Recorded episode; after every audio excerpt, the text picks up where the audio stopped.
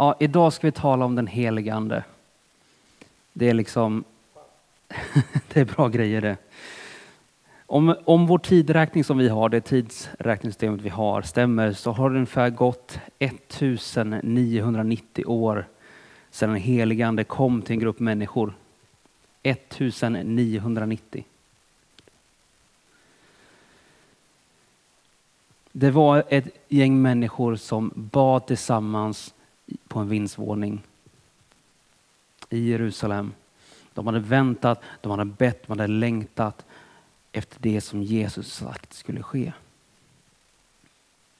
Och när anden kommer över dem så föds något och den dagen föds församlingen.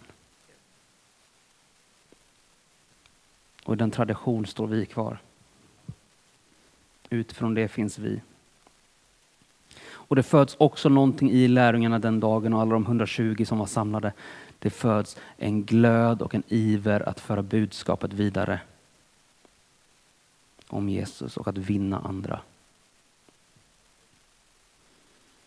Och Jesus hade ju talat till dem flera gånger om att anden skulle komma. Och till exempel så här står det i Johannes 14.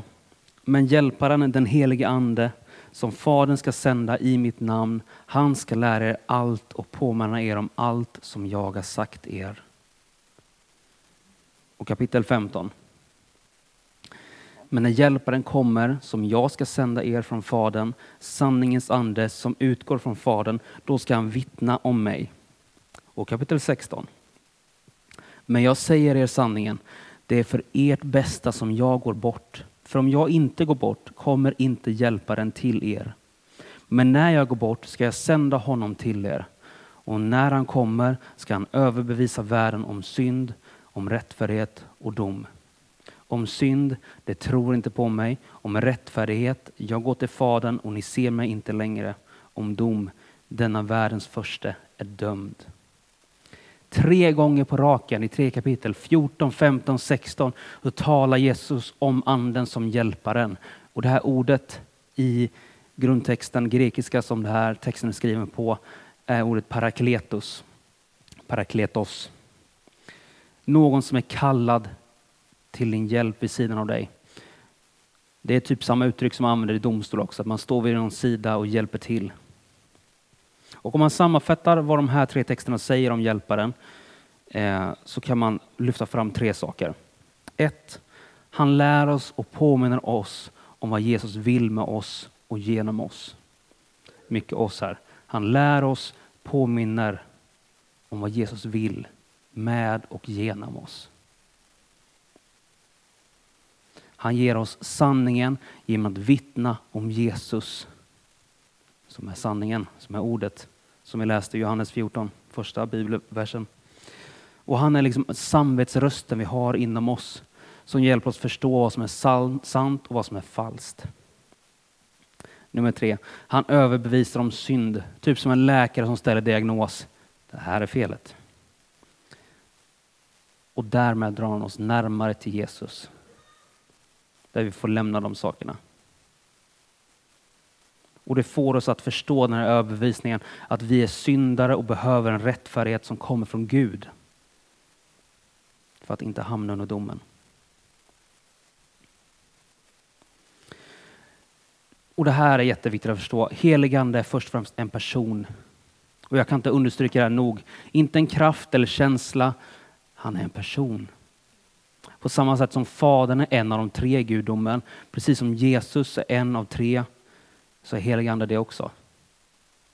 Tre, en Gud, tre hypostaser, som de gamla östfäderna skulle säga. Helig ande är fullt ut Gud, precis som Jesus, precis som Fadern. Det innebär att vi kan ha gemenskap och lära känna helig ande. En kraft eller känsla kan vi inte uppleva, eller kan vi inte lära känna, men vi kan uppleva den. Men anden kan vi lära känna. Han är vår vän och han är en vän som vill hjälpa oss på livets väg. I, vår andliga, i vårt andliga liv. I vårt lärjungaskap. Han hjälper oss att förstå att vi är Guds barn. Och man, kan, man kan känna sig tveksam över det här ibland. Vissa dagar kanske man känner som att nej, jag är inte riktigt frälst idag. Va? Har någon som känt, känt så någon gång?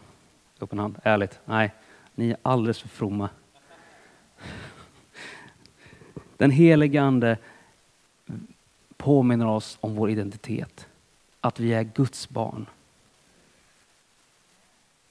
Så här säger Paulus i Romarbrevet 8. Alla som drivs av Guds ande är Guds barn. Ni har inte fått slaveriets ande så att ni på nytt måste leva i fruktan. Nej, ni har fått barnaskapets ande och i honom ropar vi Abba, far.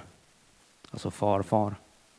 Anden själv vittnar med vår ande att vi är Guds barn. En tredje viktig grej med anden är att anden inte ges enbart för vår egen skull, utan för att det nya livet ska kunna spridas till andra. Och det är nyckelordet, andra. Anden ges till att vara till nytta.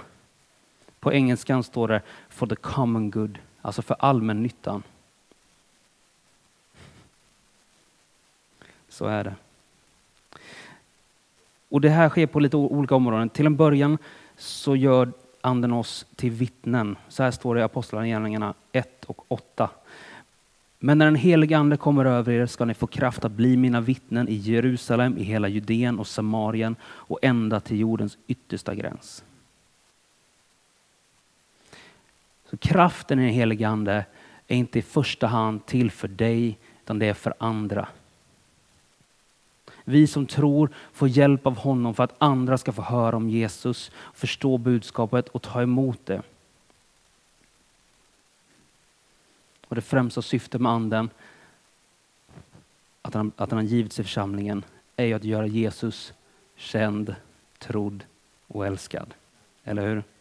Och efterföljd hade Kristus skrivit, så jag får väl säga det också. Gud sände anden för att vi som tror ska bli modiga nog och brinnande nog att ge evangeliet vidare till andra människor. Inte för vår egen skull, för att det ska kännas bra på insidan, för andra. Och den första pingstdagen när anden kom till församlingen, blev given församlingen, så började en stor skara komma till tro på Jesus. Första dagen var det 3000 människor på en dag. Efter ytterligare några dagar så var det typ 5000. Det är ganska bra ökning alltså. Och det här är liksom inte en slump, inte en biprodukt av deras, deras bönemöte uppe i den här vindsvåningen, de här lärjungarna. Utan det här var ett Guds tanke för alltid genom hela historien. Så här står det i profeten Joel som skrevs ett par hundra år innan Jesus kom. Och det ska ske därefter att jag utgjuter min ande över allt kött. Era söner och era döttrar ska profetera, era gamla ska ha drömmar, era unga ska se syner. Ja, över tjänare och tjänarinnor ska jag i de dagarna utgjuta min ande.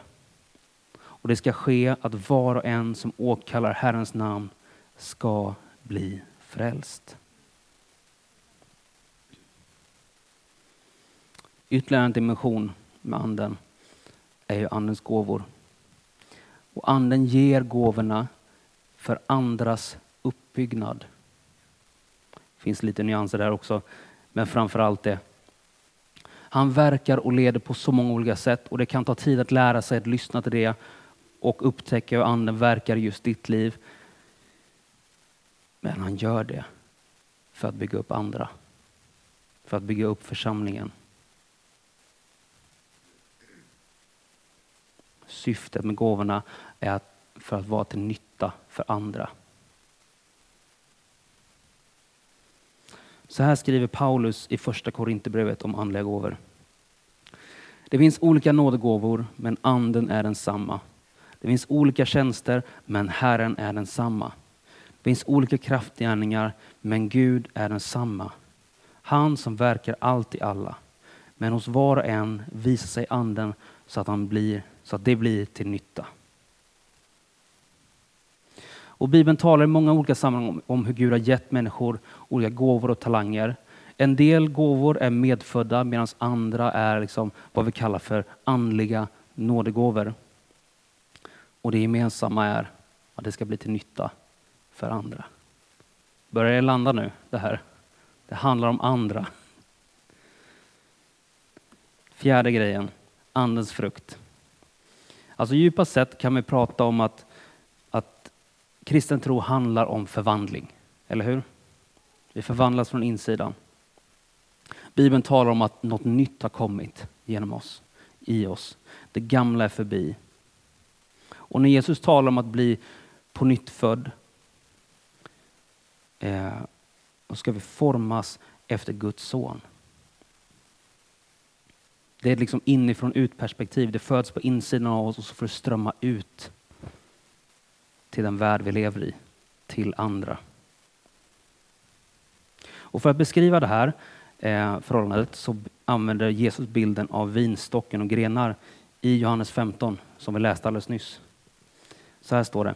Jag är vinstocken och ni är grenarna. Om någon förblir i mig och jag i honom så bär han rik frukt. Utan mig kan ni ingenting göra. Och för att förstå det här helt rätt så bör vi inse att det här sammanhanget där Jesus säger det här är där han undervisar om heligande som hjälparen. Alltså, när vi är kvar, förblir i vinstocken som är Jesus, så bär vi frukt. Om vi som kristna förblir i Kristus så bär vi frukt. Men frukten kommer inte av sig själv. Det kommer inte eh, genom att vi som grenar presterar ut eller klämmer ut den, utan det kommer utifrån ett liv som är kopplat till stammen.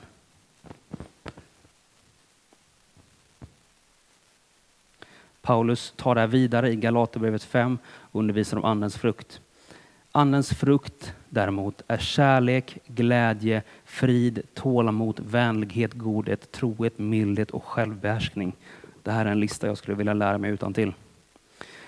Och till skillnad från andra andliga gåvor som Paulus också undervisar om, så är frukterna mer liksom en karaktär som utmejslas genom den helige Ande. Som är verksam i oss när vi är kvar i Kristus. Men inte ens frukten finns till för oss själva. Det här om något finns till för andra. Alltså frukten av ett träd finns ju till för att föra trädets DNA vidare. Och trädet är i det här fallet Jesus. Och frukterna finns till för att andra ska kunna se och smaka att Herren är god. Och vissa teologer har noterat i det här stället att fruktandens frukt här står i singular, alltså det är en frukt. Och då menar man att andens frukt är kärlek. Och att alla de andra orden efteråt, glädje, frid, tålamod, vänlighet, godhet, mildhet, självbehärskning och trohet, det är uttryck för kärlek. Andens frukt är kärlek som tar sig uttryck i glädje, frid, tålamod, vänlighet, godhet, trohet, mildhet, självbehärskning. Och de här karaktärsdragen är ju ganska tydliga i Jesus om man läser evangelierna. Och nyckeln till att förstå hemligheten, hur den helige Ande vill forma oss, är att vi ska se på Jesus till likhet med honom. Och det är det vi kallar för Andens frukter. Och det vackra är att det här inte går att klämma fram som jag sa. Det är bara genom kontakt med stammen. Och de här frukterna, frukt tar tid att mogna. Det är inte någonting man gör över en natt liksom. Men vi behöver ständigt vara kopplade till Kristus genom anden.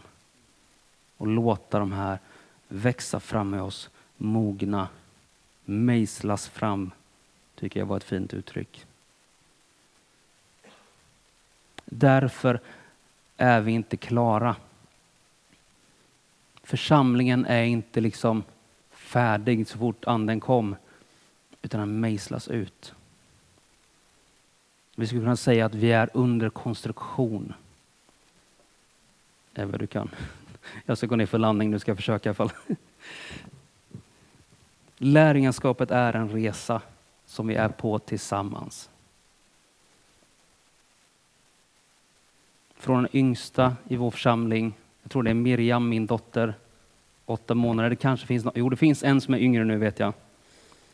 Två till och med. Hela vägen upp till Krister. Allihopa är vi lärjungar. Krister är den högsta, tänker jag. högsta hänset i vår församling. Vi är var och en och allihopa tillsammans lärjungar på en resa mot att bli mer lika Kristus. Ingen av oss är färdiga, ingen av oss är klara. Men vi får ständigt dra oss närmare Jesus. Vara kopplade till vinstocken och låta hans frukt mejslas fram i oss. Så ta med dig det här.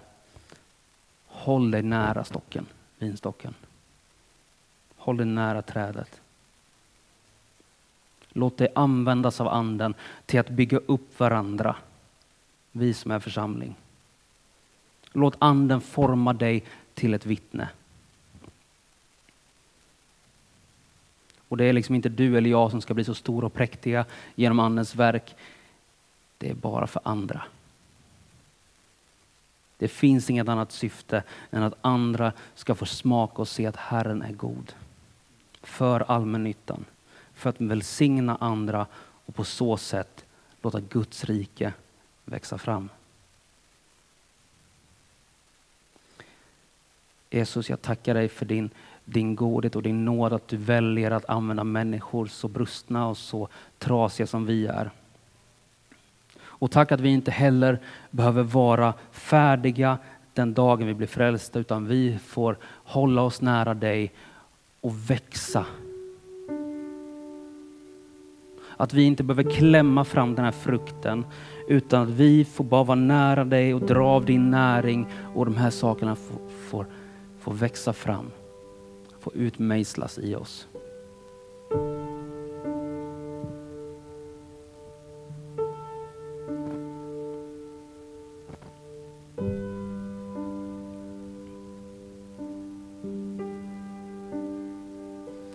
Tack Jesus för din närvaro på den här platsen.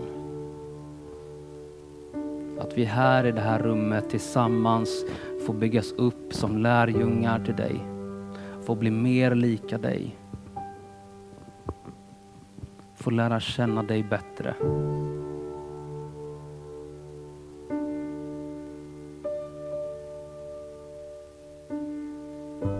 Kom du helige. Kom du helige.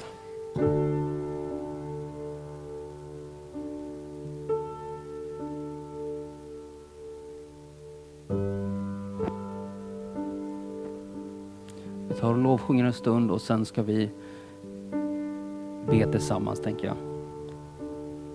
Men vi fäster blicken på, på, på vinstocken och kopplar oss samman med honom.